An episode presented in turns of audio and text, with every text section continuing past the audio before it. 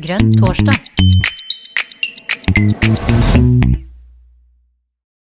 Velkommen til Grønn torsdag.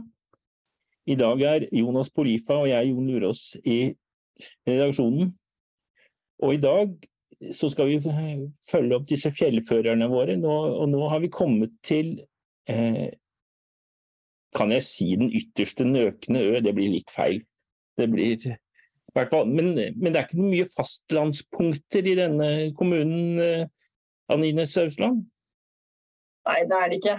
Veiland er jo den ene av mange øyer i Færder, som er en sammenslåing av Nøtterøy og Tjøme. Og Færder er også den øya med fastboende folk som ikke har fastlandsforbindelse.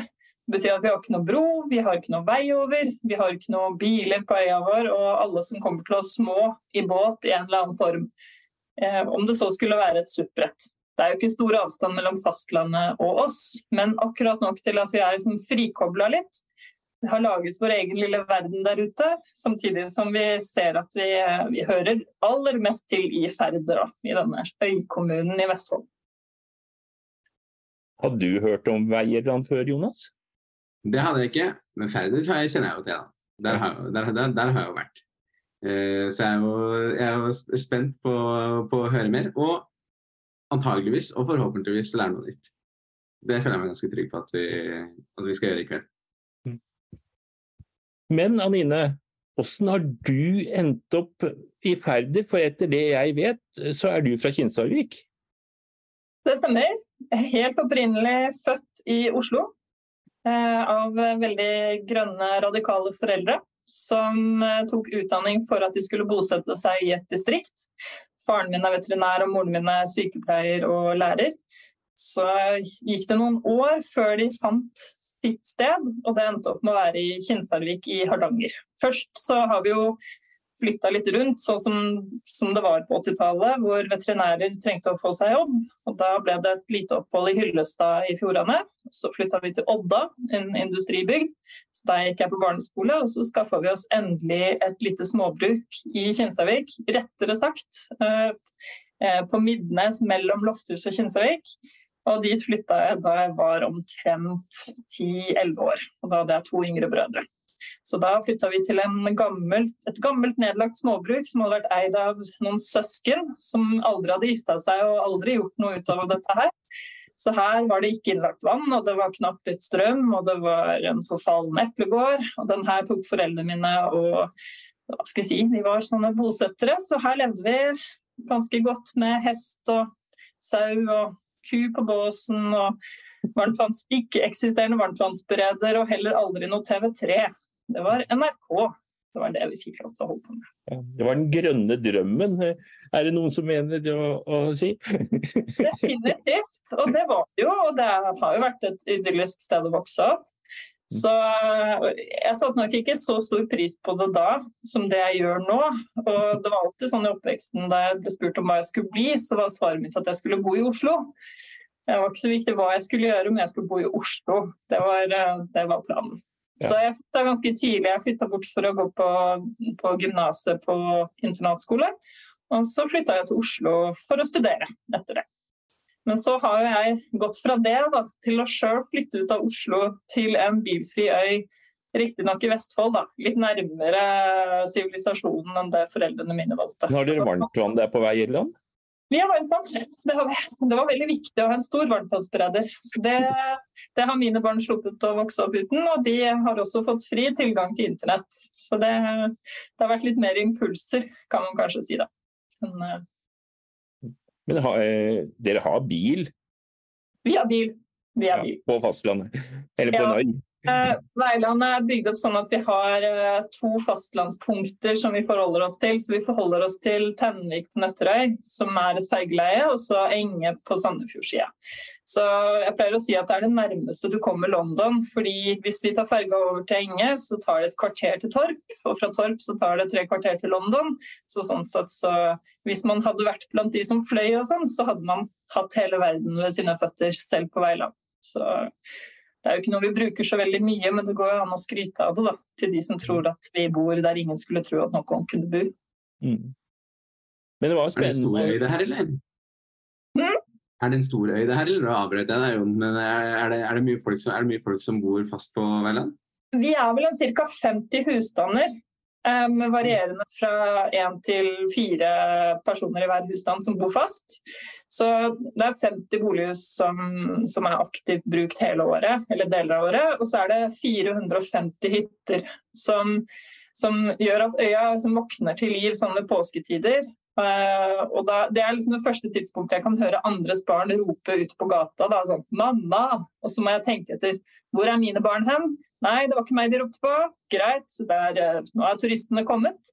Og så forlater de øya. Altså, mange bruker egentlig bare øya vår de fire ukene i sommerferien, og så drar de.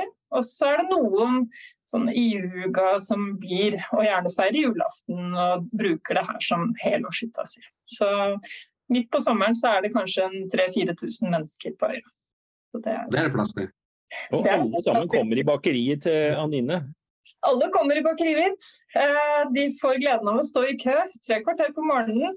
Jeg har hatt noen sånne litt ivrige køståere som sier at nå må du, du, må, du må liksom sette opp tempoet litt, åpne flere køer. Altså, vi må organisere dette litt, sånn at det, eh, det blir tempo.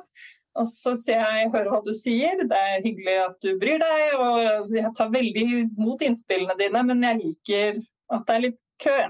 Så går det et par dager, og så sier de å, det var så hyggelig, for jeg, jeg traff han hyttenaboen, vet du, eller, eller tremenningen min sto her også, og da fikk vi prata litt sammen. Og, så jeg har en uh, tilhengerskare som, uh, som tydeligvis syns at kø er helt OK. Kanskje litt at det, skal, det er liksom de stille og litt sånn rolige verdiene hos oss, da. Det skal ta litt er bakeriet stengt nå for sesongen? Det er det. Bakeriet er eh, Det drives i låven vår, så det drives eh, stort sett i juli. Jeg har drevet det på heltid eh, noen år. Og så fant jeg ut at jeg likte å være sammen med mennesker hele året, og ikke bare om sommeren. Så da tok jeg meg en liten vikarjobb, som etter hvert har blitt den faste jobben min. Og så åpner vi bakeri om sommeren. Og det er kjempegøy, for da har vi åpent et par dager i uka onsdag til lørdag gjerne, så har det vært et kjempespringbrett hvor jeg har fått gleden av å ha mange unge folk eh, ansatt. Sånn at de kan ha sin første sommerjobb og hjelpe meg med det første som, eh, den første jobben de har noen gang. Og I år har jeg også lært meg å ansette være tydelig på hva jeg ansetter til. F.eks. at jeg ansetter deg for å stå i oppvasken og ikke trille boller. Og, og det rare var at jeg tenkte sånn Å, det kommer, de, kommer de ikke til å like. Men de sa jippi, jeg elsker å vaske opp. Og så fikk vi liksom løst hele, hele problemstillingen. Så det var veldig gøy. Jeg har ett spørsmål til før eh, Jonas må slippe til å kommentere litt her og spørre litt. Eh, er det skole på øya? Nei. Det var skole fram til 2013. Eh, og på sett og vis så kan du si at altså, i 2012 så falt jo det som var Vi hadde boplikt på Veiland fram til og med 2012. Eh, og den ble vedtatt avslutta med, altså med, virkning fra 2012. Og etter det så gikk det seks måneder før skolen ble vedtatt nedlagt. Riktignok så var det ikke mange elever der, det var en åtte elever på det tidspunktet. Så man kan jo argumentere for at uh, det var en veldig liten skole. Men eh, en oppfordring til alle som bor på tilsvarende steder som har en type boplikt eller andre ting, så, så er oppfordringen å, å, tviholde på det. Og i hvert fall tviholde på skolen. Eh, eller et barnehagetilbud, eller noe som gjør det mulig å bosette seg der for yngre mennesker. For sånn som nå, så, vi, vi har jo et veldig velfungerende samfunn. altså Vi har landpostbud med åpent postkontor en halv time hver hverdag. Og vi har en pub, og vi, vi møtes over et velhus med en kjempeaktiv velforening med dametrim og herretrim og sosialt samvær og alt sånt. Men vi har på en måte ikke den Det er vanskelig å, å søke etter yngre familier som har lyst til å bosette seg der, når du, når du må fortelle dem at de må pakke ungene godt inn i sykkelvogna og sykle til ferga på morgenen og levere dem i barnehage på land. Og på en måte ta bort litt av det som mange søker etter når de tenker på å flytte til et sted som vårt. Da vil de gjerne være der. De vil gjerne ha hverdagen sin der. Og så må man kanskje reise bort og jobbe en, en del av dagen, men man vil gjerne komme tilbake igjen til det hele uten å ha veldig sutrete og grinte unger på en varm ferge på ettermiddagen. Så hold, hold på skolen deres, dere andre som måtte være i den situasjonen. Nå stilte jo Jon eh, det spørsmålet som jeg også hadde tenkt å stille, som var om det er skole. Men jeg merker at vi begynner å pense litt sånn over på politikk. Eh, for ferge ferje og boplikt og, eh, og skole, eh, er det det som er de store sakene i Færder også, sånn generelt, eller? Ja, Boplikt er en kjempestor sak. fordi eh, halve Færder kommune er jo Tjøme, gamle Tjøme kommune. Og der er det boplikt i dag. Eh, det er ikke boplikt på Nøtterøy. Og, og, det er faktisk nå diskusjoner om å ta bort boplikten også på Tjøme. Og enkelte av de større partiene har sagt, Høyre har sagt at hvis folket på Tjøme vil, så de, de, begynner de å ta et initiativ til å fjerne boplikten. Og det, eh, altså, boplikt er jo kjempeomdiskutert. Altså, det er jo ingen som sier at boplikt er et fantastisk virkemiddel på noen som helst måte. Men det er på en måte det, det beste, eller verste beste virkemidlet vi har da, for å faktisk opprettholde bosetting i enkelte områder. For det, det, jo, det er jo liksom bevist opptil flere ganger da, at eh, det ikke har direkte innvirkning på kommuneøkonomien og skatteinntekter osv. Men, men det har jo en innvirkning på boligpriser f.eks. Det, det endrer jo boligmarkedet som gjør at det blir enklere for, eh, for eh, hva skal jeg si, for de som har stor boligkapital, å kjøpe seg en bolig nummer to. Eh, eller kjøpes, omgjøre ting til en hytte. Og det er jo ikke det at jeg ikke ønsker feriegjester velkomne, men jeg ønsker også at uh, barn og unge altså man kan flytte tilbake igjen til Færder etter at man har tatt utdannelse. Og ikke da måtte ta til takke med å bo i leilighet midt på øya fordi at ingenting annet er tilgjengelig. Det er jo noe med hva vi ønsker at folk skal flytte hjem igjen til. Så boplikt er liksom den beste og verste løsningen vi har på akkurat det. det er, uh, hvis det hadde funnet, vært en annen løsning, så hadde jeg gjerne gått for den. Uten å, uten å kjempe veldig hardt for boplikten, men nå gjør jeg det. Jeg er en klar bopliktforkjemper uh, her i kommunen hos oss. Men er det da stor forskjell på, uh, på boligprisene på Tjøme og på Nøtterøy? ja. ja, det er det, ja? Ok. ja. Det er en klar forskjell. Det er langt lavere boligpriser på Tjøme. Eh, og det har vært en kjempestor satsing på Tjøme rent eh, på infrastruktur. Det er ny barnehage, ny skole, ny ungdomsskole. Det er veldig bra butikktilbud. Altså, det er eh, takket være også feriegjester så gjør det at det er grunnlag for næringsliv på Tjøme hele året. Så det å bosette seg der er ikke, du bosetter deg på en måte ikke utkanten på noe vis, selv om det er der. Og så tenker jeg at hvis man velger å flytte til et sted, så er det jo ikke, det er jo ikke alle av oss som bruker boligen vår som et investeringsobjekt. Satser på at nå skal jeg kjøpe noe, og så skal jeg selge det dyrere om noen år. De aller aller fleste ønsker seg å bosette seg et sted og bli et del av lokalsamfunnet og oppdra ungene sine der, eller alderdommen sin der og ha gode hverdager og gå på biblioteket og rett og slett være en, en samfunnsborger. Da. Så jeg tror det er liksom litt for enkelt å si at nei, du må ha friheten til å selge til hvem du vil. Jeg tror ikke det er det som nødvendigvis uh, har den største verdien. Altså. Så det ser ut som jeg har pådratt meg noen som er nysgjerrig på det ja, samme. de, skal, de, de, de, skal å, de skal få lov til å slippe til, de. Så da lurer jeg på om det var Hanne som var først. Vær så god, Hanne. Hanne er opptatt av boplikt på Røros, tenker jeg? Ja. ja fordi eh, det har jo vært eh, ja, De siste valgkampene så er jo det en sak. og um, Vi hadde et sånt medlemsmøte ja, Det er mange valg siden nå, tror jeg. Og da, for det er jo snakk om å legge ned to grendeskoler. da. Eh, noen mil utenfor Røros, kanskje. Og da når vi diskuterte det internt, så tenkte vi at nei, det er viktig med en skole, fordi da blir det et bra lokalsamfunn der. Og selv om det da kosta kommunen penger, så valgte vi ja, det sier vi ja til. Mm. Um, det er ikke noe så veldig stor sak i år, for nå er det svømmehall. um, politikerne vil bruke mer penger på nye bygg istedenfor å vedlikeholde ting. Um, men det, jeg snakka med ei venninne som bor i Dalsbygda, der Therese Johaug kommer fra. Og Dattera hennes har gått på skolen der, og da er det liksom hvert fall tre klassetrinn i én klasse. hvert fall. Mm. Og ikke noe fornøyd med det i det hele tatt. Eh, lærerne får jo da en trippel jobb. ikke sant? Nå skulle tilpasse eh, undervisningen da, til tre nivåer. Så hun var nå lykkelig over å ha flytta til Os skole. Og så er det det, det er argumentet her oppe da, når det var snakk om kommunesammenslåing, at fagmiljøet er så viktig. Og jo, det ble liksom et sånn mantra her da. Vi må, vi må slå sammen kommunene, sånn at ikke alle eh, de tre kommunene, da, en regnskapsfører må sitte og jobbe her og der. Men så tenkte jeg at ja, det er jo et argument, men det er kanskje ikke det viktigste. Men folk, eller, folk og politikere har veldig lett for å kaste seg på. Å ja, ja, kjempefint argument.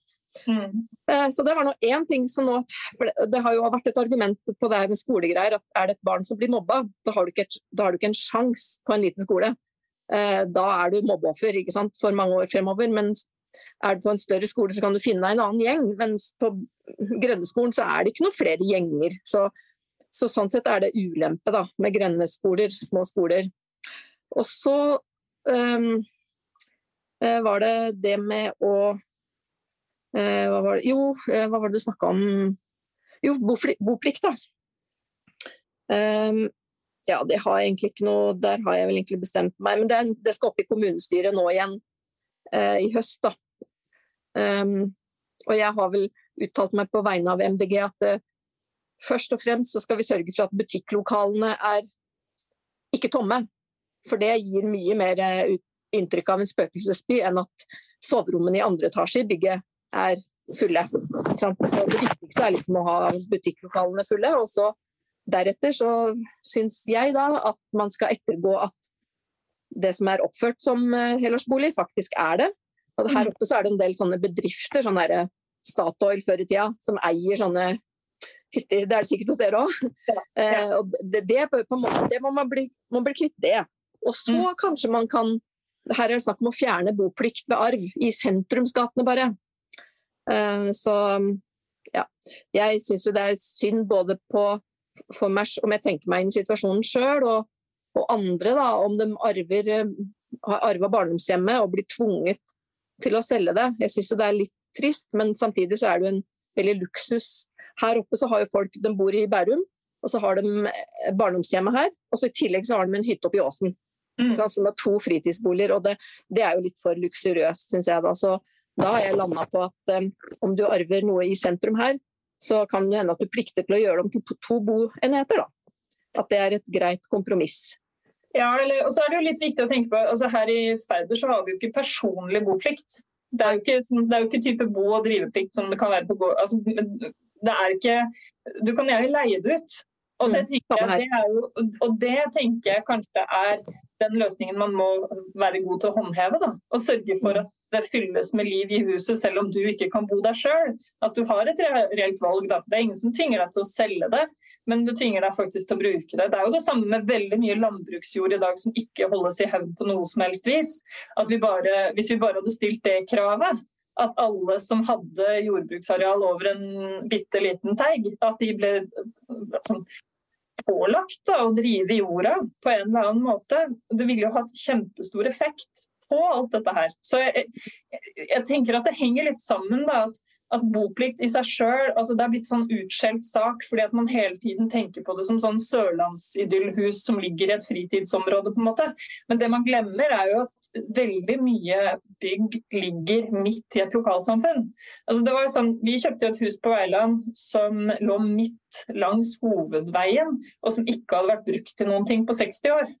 Folk gikk forbi og kalte det Spøkelseshuset. Så kan du si ja, På det tidspunktet når vi kjøpte hus her for uh, ti år siden, så, så det var ikke innlagt vann der. det var ikke innlagt, altså Kloakk fantes ikke, og strømmen var gammel osv. Så, så man kunne argumentert for at det kunne brukes som fritidsbolig. Men det er jo helt klart at det har utrolig mye å si for vårt bitte lille lokalsamfunn at det er lys i huset, og at ungene mine sykler utafor, og at, eh, at, vi planter frukttrær og at vi inviterer folk inn i det huset. Og det hadde vi ikke kunnet gjøre hvis vi ikke bodde her. Så jeg tror, jeg tror, det at man må tørre å være den som sier at ja, her i vår kommune så ønsker vi at folk bor hele tida. For vi ser at det er ikke bare skatteinntekten din eller det du kjøper på butikken eller den håndverkeren du bruker som, som er viktig for oss. Det er også viktig for den, den ekstra dimensjonen da, med at folk er til stede, med at man er frivillig, at man engasjerer seg i naboen, at man eh, tar inn avisa, at man banker på døra. og, og det, det synes jeg det blir liksom kalt en sånn myk verdi, men jeg tenker at det er kanskje en av de viktigste verdiene som vi skal kjempe for. Da. Det er det Hvis du skal skape bostedsattraktivitet, så med mindre du er verdens største enstøing som har lyst til å bo i en hule på Hardangervidda, liksom, så, så, liker du å ha folk rundt deg. Du liker å flytte til et sted hvor noen sier hei og husker hvem du er. Og, og altså, du må jo selvfølgelig ikke oppsøke alle til enhver tid, men hvis det, hvis det er tomt i gata, da, hvis det ikke er noen å si hei til, da, da, trenger man ikke å bo akkurat der. Da løsrever man jo folk fra liksom, en tilknytning til et samfunn. Da skaper vi alle de ensomme sjelene som vi så er nødt til å behandle på et vis. Så, så det, er liksom, det er sånn Jeg syns kanskje Jeg skulle ønske vi ikke kalte det boplikt, det. Ikke sant? Jeg skulle ønske vi fant det ta, Her ute på øya mi så ble det brukt som et sånn skjellsord. At man skulle ha bolyst. Eh, så jeg tør liksom ikke å ta det i bruk som en beskrivelse av det. Men jeg skulle ønske at vi hadde noen At vi kunne liksom lempe litt på det pliktordet. Og si noe om at vi har et ønske om at folk skal bosette seg i vår kommune. Og at de skal finne det bra nok i vår kommune at de ønsker å bruke mesteparten av tida si her. For det er jo det vi vil. Vi vil jo ha innbyggere som er her mye av tida. Ikke sant? Så, Der jeg bor nå, da. Jeg, jeg leier første etasjen i et hus, og så eier eieren bruker etasje til feriebolig, da. Og det fungerer jo bra, ikke sant? for da sørger jeg for at uh, hagen er i orden og snøen og, og sånn. Så det, det, det syns jeg er liksom et Det er klart, om man skal kreve at det er upersonlig boplikt, da. Um, og at, at, du da kanskje noen da må gjøre om huset til to boligenheter, da. Men OK, så må du betale for den luksusen der, da. Men det blir et kompromiss, liksom. Ja. ja. Så, det er et bra kompromiss. Ja. Ja. Så eiendomsskatt, da. ja. Ik ikke noe eiendomsskatt på nummer én. Vi må Kjersti hadde også kommentar på boplikt, for hun eh, var kjempekjapt frampå. Nå er jeg litt usikker på hvor du bor hen, men Jeg bor i Oslo sentrum, tre kilometer fra Oslo S. Nei, det er ikke det, og det skulle jeg gjerne hatt. Mm. Det er ikke bare små steder som har behov for at folk bor Oslo har også et, Oslo sentrum har også et kjempestort problem med turistene, tro det eller ei. I borettslaget mitt så er jeg er sikker på mer enn halvparten av leilighetene i borettslaget er leiligheter som er turistleiligheter. Airbnb? Da, Airbnb eller en eller annen variant Eh, der de, det blir Altså folk sjøl har så god råd at de har hus på landet, og så bor i et hus på landet, og så de, besøker de leiligheten om sommerferien eller jul eller et eller annet sånn noen få ganger i året. Så det står kjempemange tomme leiligheter i borettslaget. Så jeg vet ikke Jeg, er, jeg har en tanke om at eh, MDG bør gå sånn generelt. Det er liksom ikke bare de små stedene, for det er lett å tenke at boplikt har med de små stedene å gjøre. Men det, det, uansett, selv Oslo, Norges største by, har problemer med tomme leiligheter og tomme hus. For det er ikke noe kult å være den eneste som er hjemme, og så er både alle i samme etasje og alle etasjene over, de er hjemme i husa sine på landet. så, det, så det, ja. Boplikt er jeg, jeg tenker også det hadde vært fint med et bedre ord, et koseligere ord. Ehm, men, men pr prinsippet gjelder i, for hele landet. Og jeg tror det hadde løst Oslo sitt, sin boligmangel hvis vi fikk eh, bo eh, rett i ja. alle leiligheter og hus. Ja. Takk for meg. Eh, det var ikke noe kommentar til stedet du bor på, men det var en kommentar til politikken eh, rundt eh, boplikt. Ja, men jeg tenker Kjersti, at det er helt riktig det du sier. fordi Det er jo, det er jo liksom grønn politikk. da. Vi må jo ta i bruk de ressursene vi allerede har tatt fra naturen. ikke sant? Vi har satt opp alle disse byggene, og så er det blitt liksom de økonomiske systemene som styrer at vi kan tjene mer penger på det. Eller noen blir så veldig heldige. da. Ikke sant? De har truffet riktig og skutt gullfuglen og kjøpt og solgt på riktig tidspunkt, sånn at de på en måte kan være magasinere. da disse boligene. Så bare det å stille, jeg, jeg, vet at i Oslo er blitt nevnt og tatt opp diskusjonen med boplikt i Oslo også, spesielt i indre by. Nettopp pga. den turistproblematikken og, og det med eh, Også det med korttidsutleie. da. Ikke sant? At man skaper et bedre bomiljø hvis folk bor der over lengre tid. Og alle disse korttidsutleiene er jo med på å trekke til forskjellige typer mennesker. da det er annerledes om brannalarmen går i blokka di, tenker jeg, eller i, i borettslaget ditt, liksom. Og det er eh, åtte stykker som aldri har vært der før og ikke vet hvor, hvor nødtrappa eller hvor branntrappa er. ikke sant? Kontra at folk er der og har vært med på brannøvelse og vet sånne ting. Så det er liksom trygghet for alle rundt også. ikke sant? Du vil jo gjerne kunne vite hvem som bor der hvor du bor. Ja, ikke sant. Det, det, ønsker man. Og så føler jeg meg litt skyldig, for jeg leier ut Airbnb Dannevann selv. Men, men, men, jeg bor der mesteparten av tiden, da. Men ja, det er, men det er et eller annet med, med det at, uh, den, at en eier er eh, en aktiv eier, da. Mm. Jeg skal ikke si noe om det, fordi vi solgte ikke leiligheten vår i Oslo da vi flytta til Veiland. Eh, vi har valgt å leie den ut. Og Det er jo noe med boligmarkedet også. ikke sant? Så, så, selv om jeg står og kjemper hardt for at uh, det skal være annerledes, så, tenk, så, tenker jeg sånn eh, Det er fint å kunne ha den valgfriheten. Hvis jeg kunne leie, bare fortsette å leie ut, så kan jeg gjerne beholde eierskapet til den. Og jeg tenker Det er ikke noe feil å leie ut i ny og ne på Airbnb, men det er veldig feil hvis du skal finansiere det ved å kontinuerlig leie det ut. At du får kjøpt det og bare ha planen om at du bare skal leie ut og aldri bo der sjøl. Nei, det, det, ja, ja, altså det der, det der med at turister beslaglegger så mange boenheter, da. Og at folk disponerer Ja, jeg tror det der at to, hvis to til tre boenheter per person blir normalen, så har vi et problem.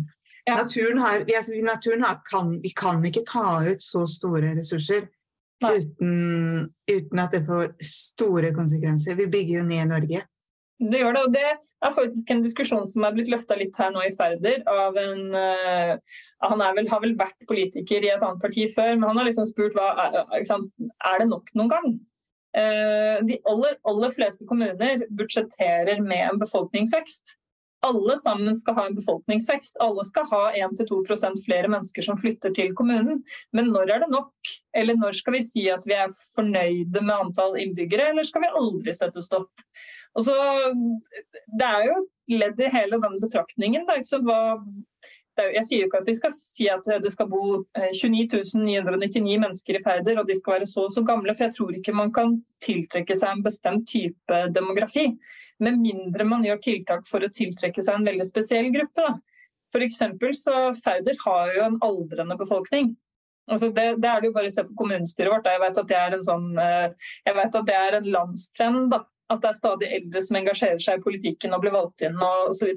Men i Færder er det nå skal jeg si det utskjelte ordet eldrebølge, eh, som ingen har lyst til å bruke, egentlig.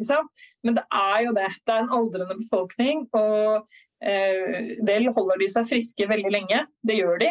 Men på, set, på sikt så, så, får de behov for flere tjenester fra kommunen. Det er det ikke til å komme fra. Og det å være en kommune som ikke har påfyll nedenifra, med yngre befolkning som kan betale skatt og være i arbeidsfør alder, og som kan gjøre alle disse, alle disse fysiske oppgavene da, som det faktisk krever for å holde hjula i gang. Altså Noen må dra og hente søppel, og noen må eh, gi medisiner, og noen må løfte ut han som falt ut av senga. noen, disse, disse menneskene må jo også få lov til å bo i det samme samfunnet. Det kan ikke være sånn at man liksom skal hente inn folk i vikarbransjen fra andre steder som kommer og er tre uker hos oss fordi at det passa sånn og det var bedre betalt og sånn. Vi må jo lage samfunnet som gjør at man kan bosette seg hos oss også på en sykepleierlønning.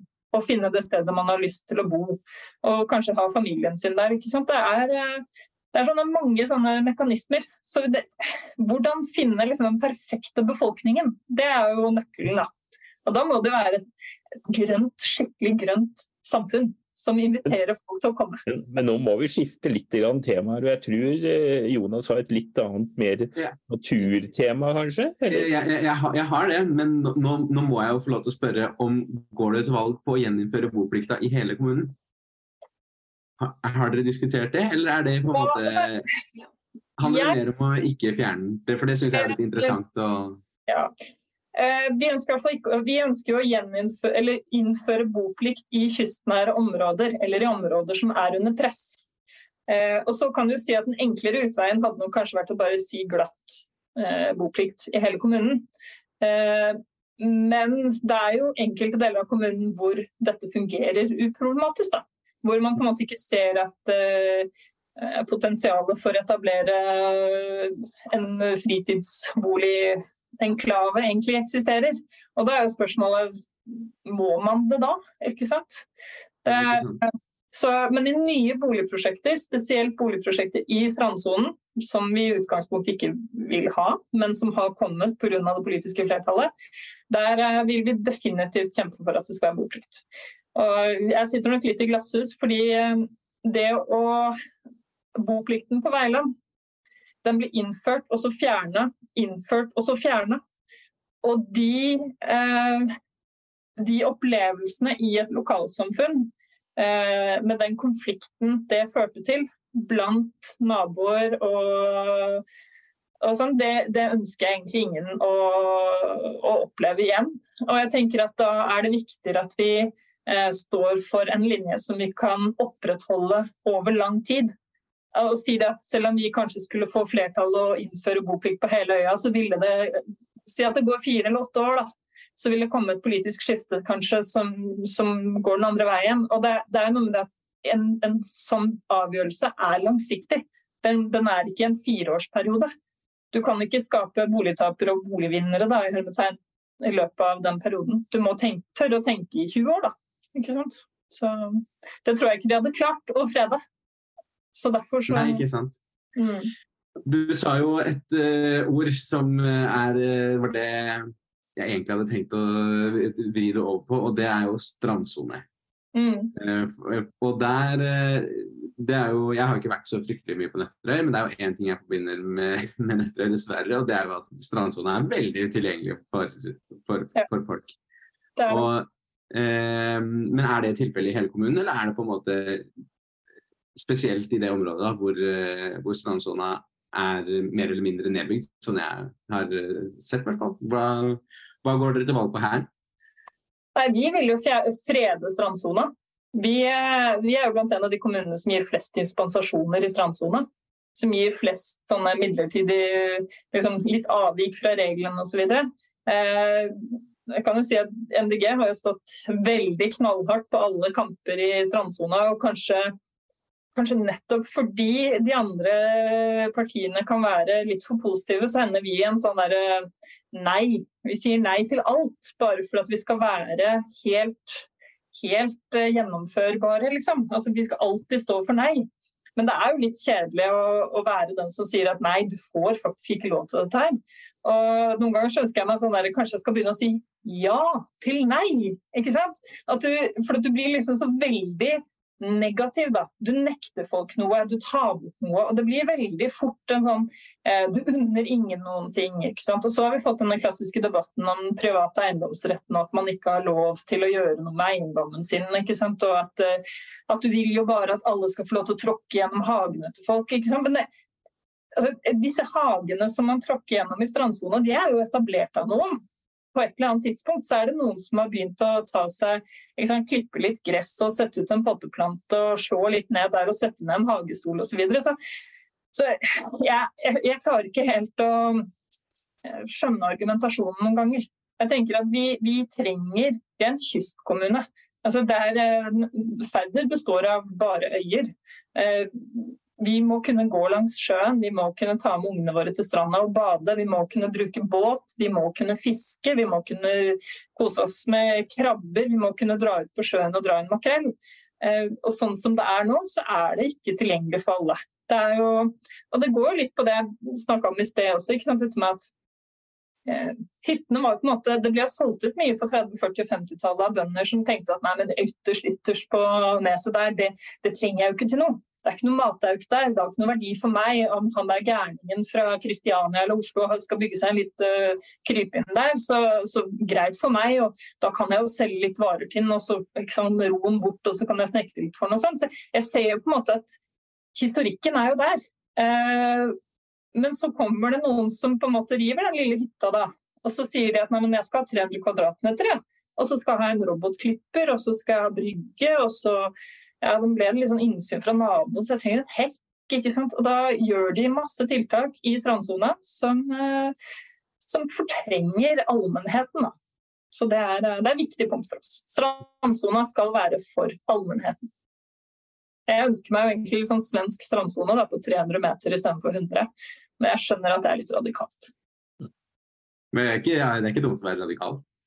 Nei. Men, eh, men der, eh, bare sånn for å ta en parallell til det vi snakka om i stad, så sa du at den uh, i tilfelle med boplikt så, så, kunne du få en situasjon hvor man innfører og fjerner og innfører og fjerner, uh, avhengig av politiske flertall.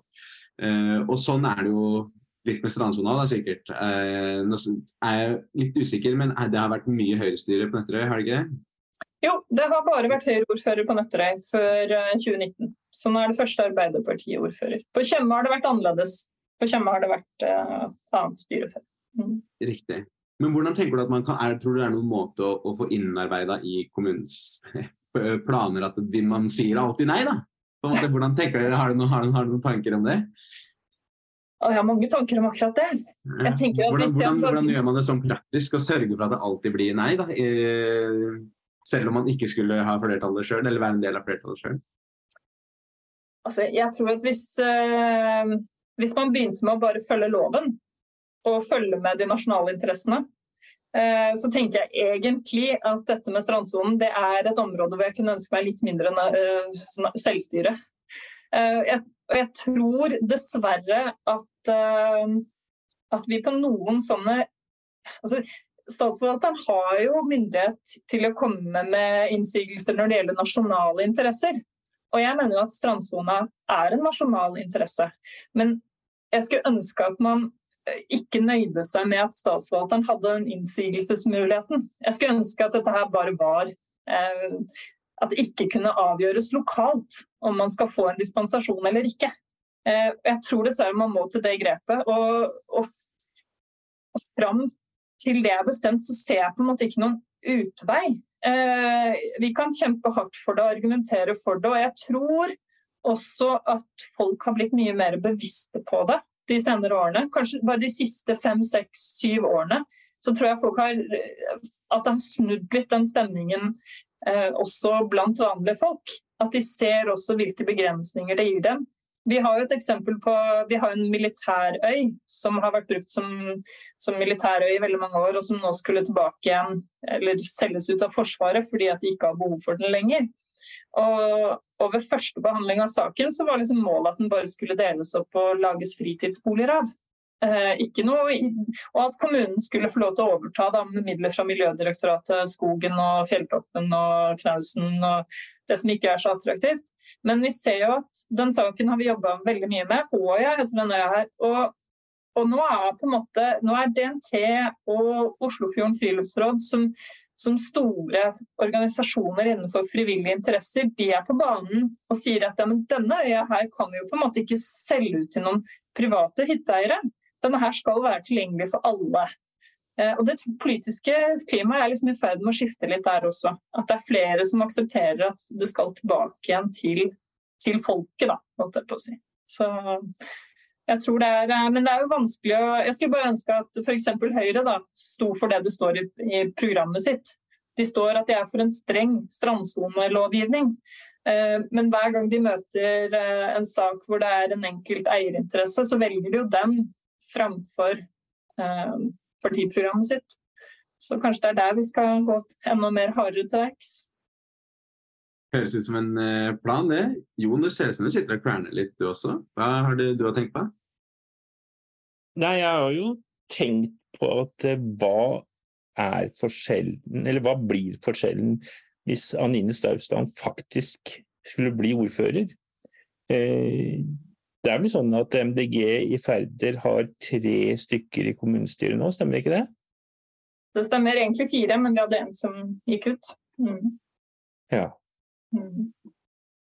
Dere har jo fått en inn også, men har kanskje ikke enda. ja, men det er en annen sak. Satser på at hun eh, blir valgt til høsten på riktig ja. program, og i mellomtida så får hun stå på det programmet hun har. Ja. ja. Men, Hva forskjellen blir, liksom? Er det det du ja, Vil folk komme til å merke det? Eller må du da altså si at, hvis, si at hvis dere kommer inn med fem stykker, og så pga. litt tilfeldigheter så blir du ordfører. Plutselig sitter du der med klubba. Hva, hvilken forskjell gjør det? Jeg tror forskjellen eh, blir på å tørre å være tydeligere. Og peke ut en retning.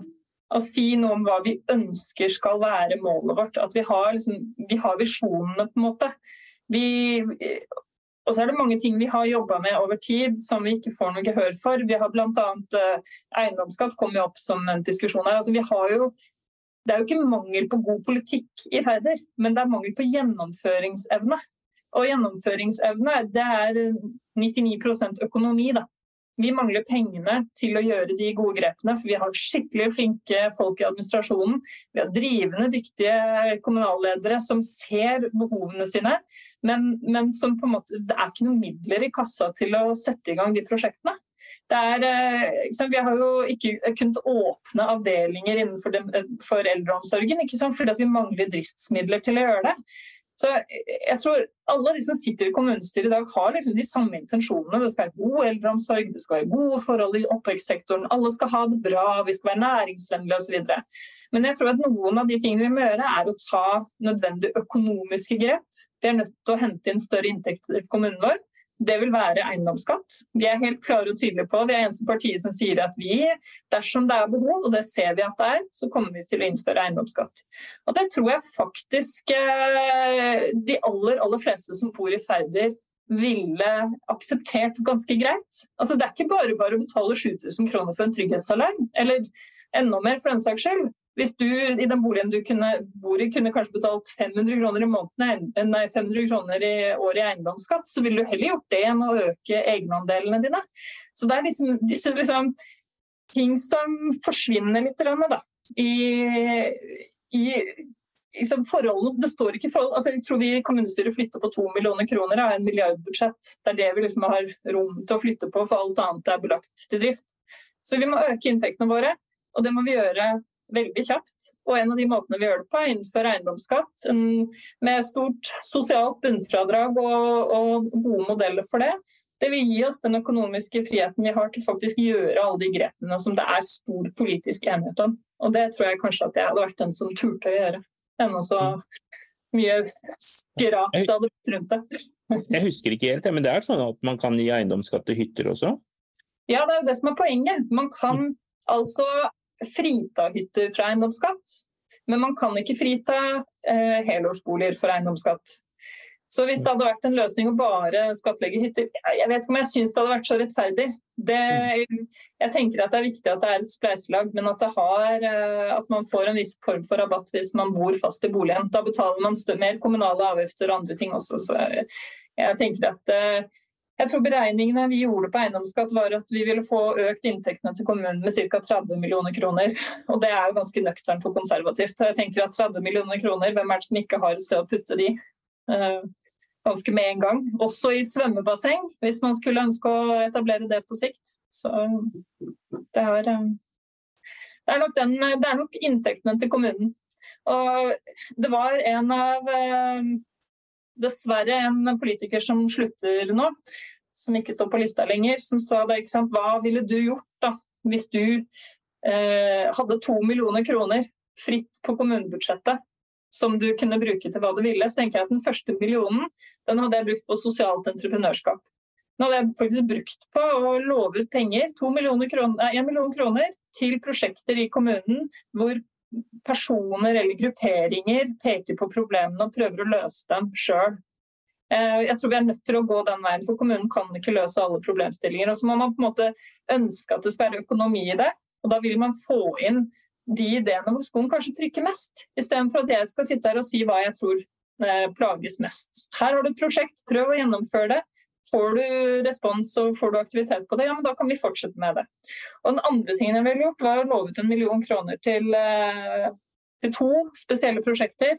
En halv million hver til sentrumsområdene våre. Hvor det kunne komme noen skikkelig drivende, dyktige unge eller eldre arkitekter som kunne ta for seg de to sentrumsområdene som vi sliter med å utvikle sjøl. Lag en feit pengepremie, bruk masse tid og krefter på dette. her, Kom med et forslag til oss som, som vi skal gjennomføre. Fordi nå står det på stedet hvil. Vi har liksom lagt, latt utviklere og eiendomsinteressene styre for lenge på det. Så nå må det komme noen utenfra som forteller oss eh, litt mer faglig hvorfor dette er en god løsning. Så nå burde jeg vinne Lotto, tenker jeg. Kanskje jeg skulle donere. ja. eh, Hanne løfta opp handa for en stund siden her. Eh, jeg vet ikke om det er eh, aktuelt fremdeles, Hanne? Jo da, det har vært bare én taler hele tida. Nei, um, for eh, to eller fire år siden så hadde jo Høyre uh, et sånt valgkampslagord om at det skal være en ja, ja-kommune. Det snakka de om masse. Det, det, jeg regner med at de sa det i alle lokale valg. Og så Da kommenterte jo jeg òg liksom, at det spørs jo hva man sier ja til. ikke sant? Så Mm. ja, vi sier nei til Eller vi sier nei til hyttebygging, men vi sier ja til bevaring av naturen. Så det er liksom bare å bruke slagordet mot dem, egentlig. For vi, Ja. det er jo alltid et ja for hvert nei, liksom. Mm. Eh, også til eiendomsskatt, da, så vil jeg jo si at vi har jo akkurat de har jo starta en sånn tråd, diskusjonstråd på ressursgruppa òg. At jeg er veldig imot eh, eiendomsskatt. Jeg syns ikke det skal være noe luksus å eie sitt eget hjem. Men eh, eh, derimot så syns jeg jo bolig nummer to, da, eller hytta, den kan godt være høyt, forholdsvis høyt beskatta. Og jeg vet at um, på, i Italia så har de ekstrem høy skatt på bolig nummer tre. Altså hytte nummer to. Mm. Så det syns jeg er veien å gå. Da. Og på Røros her nå så diskuterer de om å, skal vi ikke innføre en sånn turistskatt. Jeg bare, Mm. Det, er- det syns jeg er dritfrekt, fordi de legger igjen masse penger her, så skal de liksom beskattes ekstra for at de gidder å komme hit. da. Eh, Så, så der er jeg liksom imot av å tappe, tappe hyttefolka eller turistene. Men jeg syns jo liksom at um, i den diskusjonstråden ja, så var det snakk om hvor mye måtte bunnfradraget være på boligen. da. Mm. Og da var det sånn i Oslo så holder du ikke med fire millioner, ikke sant. Så, um, for det er jo det der ulempen om noen arver et arver gårds, gården til, eller huset da, som har vært i familiens eie lenger, og så er det en enslig person som ikke har sjanse til å beholde det, og blir tvunget til å selge. Det syns jeg er så trist. Mm. Så ja. Nei, det er liksom Ja, nei, jeg vet ikke. Da får hele kommunen prøve å drifte på en bedre måte, syns jeg, da. Fordi det skal ikke være luksus å eie sitt eget hjem. Takk, takk. Nei, men, men jeg tenker jo at det er akkurat det vi må diskutere litt. ikke sant? Hva, eh, hva regnes som en luksus, og hva eh, I den beregninga her i Færder, da, så tror jeg vi snakka om et veldig begrensa altså, Bunnfradraget og, og promillesatsen man setter, er jo det som styrer det. Og jeg tenker at en sosial profil og en eiendomsskatt vil jo gjøre at også den med en stor eh, Jeg har diskutert dette mange ganger med flere forskjellige som sier ja, men hva med stakkars tante Olga som sitter i en 14 millioners leilighet eh, midt på Frogner i Oslo? Og så tenker jeg at eh, det er ikke tante Olga vi skal bruke i den diskusjonen. Den vi skal bruke er f.eks. Sånn som huset mitt. da. Jeg bor veldig fint. Det er et kjempefint hus. Vi har gjort masse med det. Putta masse millioner kroner inn i det, og banken eier jo mesteparten av det. Men hvis vi hadde hatt en eh, OK profil på eiendomsskatten som kanskje sa at et eh, nøkternt hus til 4,5 millioner kroner ville kanskje hatt 1000 kroner i året i eiendomsskatt. Hvis den innretningen på, bolig, på eiendomsskatten hadde gjort at de hyttene som ligger ute i sundet her til 32 millioner kroner hadde betalt noe mer i eiendomsskatt, så tenker jeg at det syns jeg er rettferdig. Det, det tenker jeg det, det handler om å finne profilen på en eiendomsskatt som gjør at en vanlig borger ikke betaler veldig mye mer eiendomsskatt, som gjør at vi kanskje kan eh, senke prisene på SFO. Da. Sånn at det totale regnestykket for den barnefamilien blir veldig mye bedre med den eiendomsskatten. Og Det finnes jo også en mulighet for eiendomsskatt som jeg syns er veldig lite snakka om. og Det er det at man har mulighet til å ettergi eller lage modeller for hvordan man ettergir eiendomsskatt. Som kanskje vil treffe den enslige forsørgeren med fire unger som bor i et hus man har tatt over etter, etter et uh, haltende forhold. ikke sant? Og si det at min eh, den byrden jeg sitter med gjør at jeg ikke er i stand til å betale skatten. Kanskje man kan i foreldre utsette den, fremskrive den. Det finnes mange måter å løse det på. Så jeg tror ikke vi skal la det liksom skremme oss fra å velge den løsningen. Jeg tror eh, inntektspotensialet i det er såpass stort at det er en av de få måtene kommuner som ikke har som har lavere inntekter, kan øke inntektene sine. Og den måten må vi bruke. Vi får ikke noe mer fra regjeringen før vi har brukt den muligheten til eiendomsskatt. I hvert fall ikke er det ferdig. Vi har spurt flere ganger. Fins det noe mer vi kan øke på budsjettet? Nei. Har dere innført eiendomsskatt? Nei. Nei, da er det ikke noe mer dere kan gjøre. Ikke sant? Så Ja. Tida går fryktelig fort her. Eh, Vi må innom et eh, tema til. eh, Så Jonas, du var opptatt av et tema til. Vi må hoppe over på det, så vi får med oss det. Litt sånn aktuelt. Ja, og det er eh, hvilke konfliktlinjer blir viktige i valget i Færder. Er det noe tydelig som du ser som fra de andre partiene, eller som folk er opptatt av? Vi har jo vært innom noen eh, poteter som kanskje er hete, men eh, er, det noen, eh, er det noen andre saker? Ja, Vi har to kjempesaker til. Vi. Det er en veldig fin kommune. vet du. Vi, har, eh, vi sliter med Oslofjorden. Oslofjorden er jo, som dere sikkert har hørt, nå er noe mer skitten enn noensinne. Takket være alle, alle disse driv-veden som kommer fra, fra oppi, oppi, litt lenger nord i Innlandet, som det heter. Men eh, det er, jo en, det er jo en miljøkatastrofe i Oslofjorden. Og noe av det skyldes jo nitrogen. Det finnes jo ikke nitrogenrenseanlegg på denne siden her av fjorden. Og Det har jo også en økonomisk slagside, fordi det kommer til å koste mellom 5000 og 7000 kroner per husstand i året her som alle blir regna med at man skal betale. Der har, må jeg si at eh, Arbeiderpartiordføreren vår, eh, Jon Sandnes Andersen, har gjort en skikkelig innsats. Han har gått til rette med klima- og miljøministeren på Dagsnytt 18 og spurt hvorfor han ikke skal være med på spleiselaget. Og det er et viktig spørsmål. Og Der er det jo den men det er forurenser som skal betale, som på en måte gjenklang hele tiden. Men det er ikke Færder primært som forurenser eh, Oslofjorden. Det er det mange kommuner med på, og de er i hele nedbørsområdet. Så Det er sånn den ene saken som vi er nødt til å jobbe med. og det En ting som også er viktig med det, er jo liksom, hvilke løsninger velger man. Velger man en løsning der man er nødt til å legge et svært underjordisk røranlegg for å pumpe kloakk over og under og rundt i fjordene våre, Eh, og satse på at ingenting skjer med det for at det skal være et sentralt renseanlegg? Eller kan man legge opp til litt mindre anlegg forskjellige steder i forskjellige kommuner?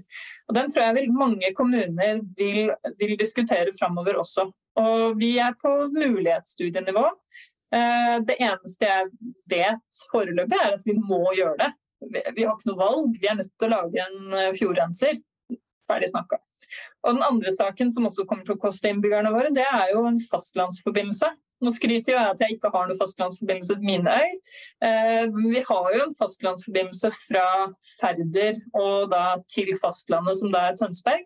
Og så er det vedtatt å bygge en ny bro fra Nøtterøy da, og over til, eh, til, fastlandet, fra Ramberg til Smørberg. Og Det er jo en kjempebro over en led.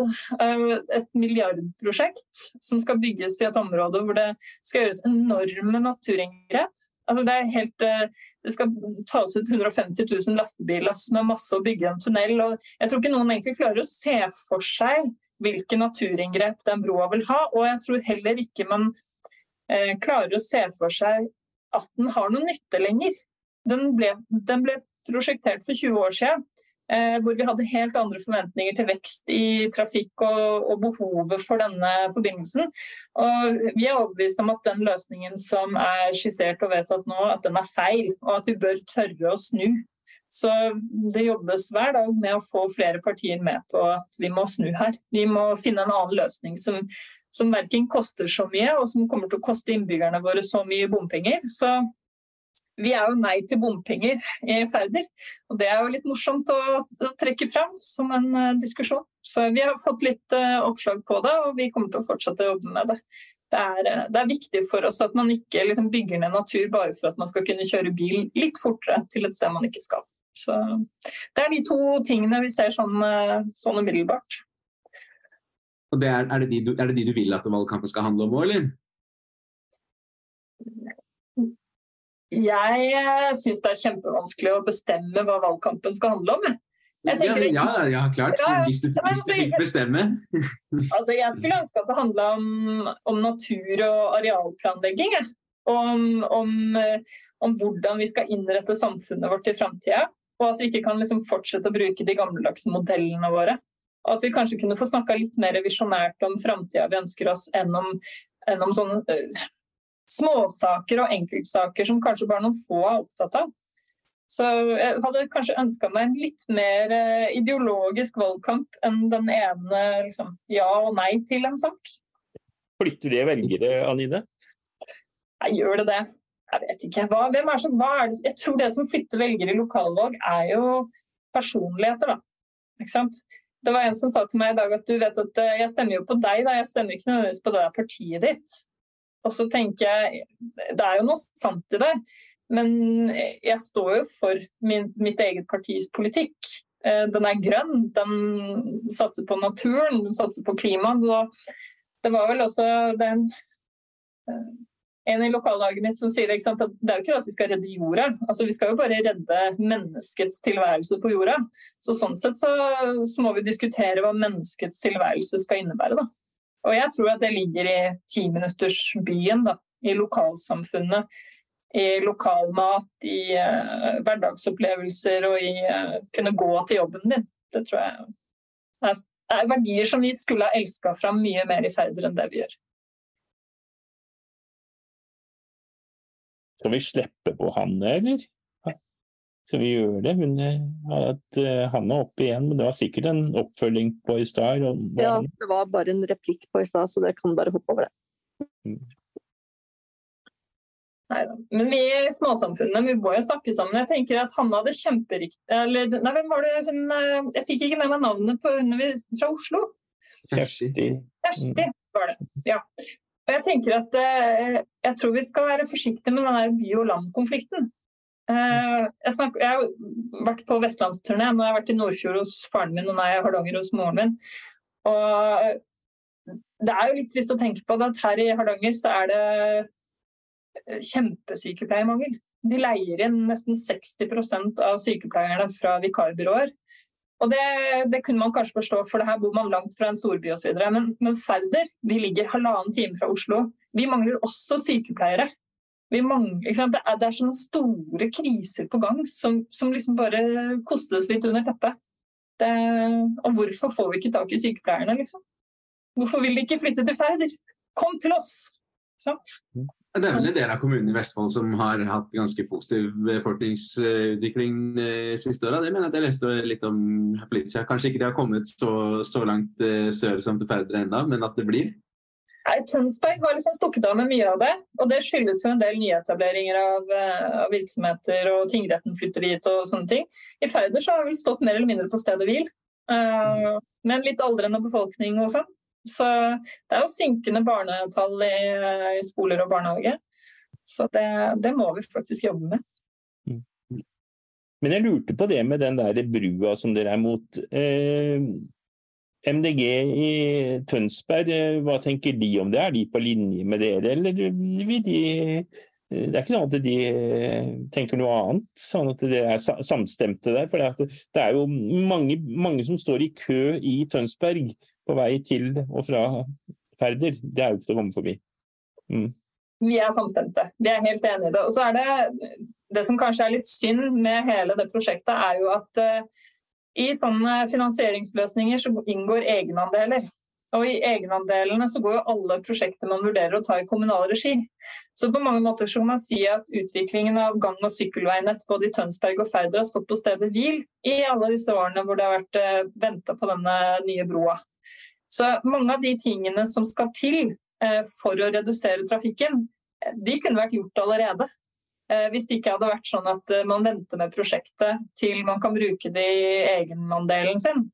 Eh, og når man ser på en del av de underlagsdokumentene vi har i forbindelse med dette, så ser vi at selv etter at fastlandsforbindelsen skulle være på plass, så, så vil det, være, vil det oppleves nesten likt i Tønsberg sentrum, med mindre man gjør de tilleggsavbøtende tiltakene, som er å stenge noen veier og bygge noen nye sykkelveinett. Så, så jeg tenker at hvorfor ikke begynne med det, de minste tingene, da? Det er noe som heter quick wins. Altså Begynn med det. Få folk til å begynne å sykle litt først. Så synker jo behovet for denne veien. Så, så, vi er samstemte. Vi er nei til bompenger, og vi står for nei til bro. Så vi ønsker oss noe annet. En ny løsning. Ja, men da eh, har du jo egentlig eh, brukt opp hele timen. Jeg kunne snakka mye lenger. Det var jo ikke noe problem i det hele tatt. Vi var jo så bekymra for at du skulle greie å fylle opp denne timen. og ennå har jeg ikke snakka om landbruk, som er kjempeviktig. Og ennå har jeg ikke snakka om næringsliv og oppvekst og jeg vet ikke hva. Nei, det er masse fint som skjer. Men uh, har du noe som du vil si kort til slutt, før vi sier helt takk for deg. Du får noen sekunder på det. Sånn sluttappell når det er eh, neste debatt. Du, og MDGs representant eh, Stausland har nå 30 sekunder på en slutt. Kom litt brått på dette. Kom litt brått på, men eh, representant Stausland sier vel egentlig bare stem grønt og stem MDG. Og stem på meg.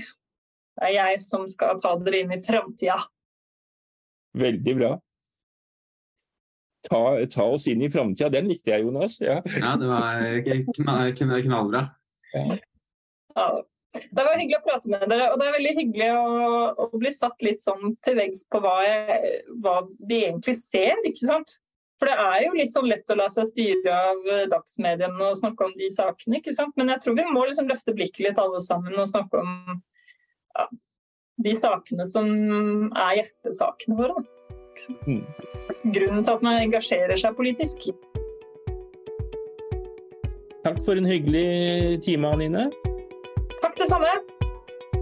Da ha en fortsatt fin kveld. Nei, nå er du i Kinsarvik, du var ikke på, du var ikke på Beierland.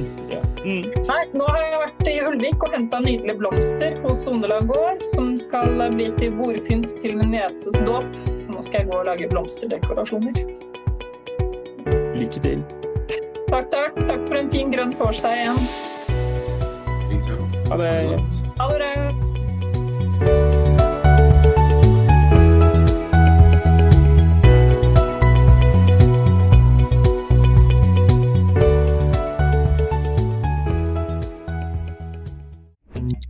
Grønn torsdag.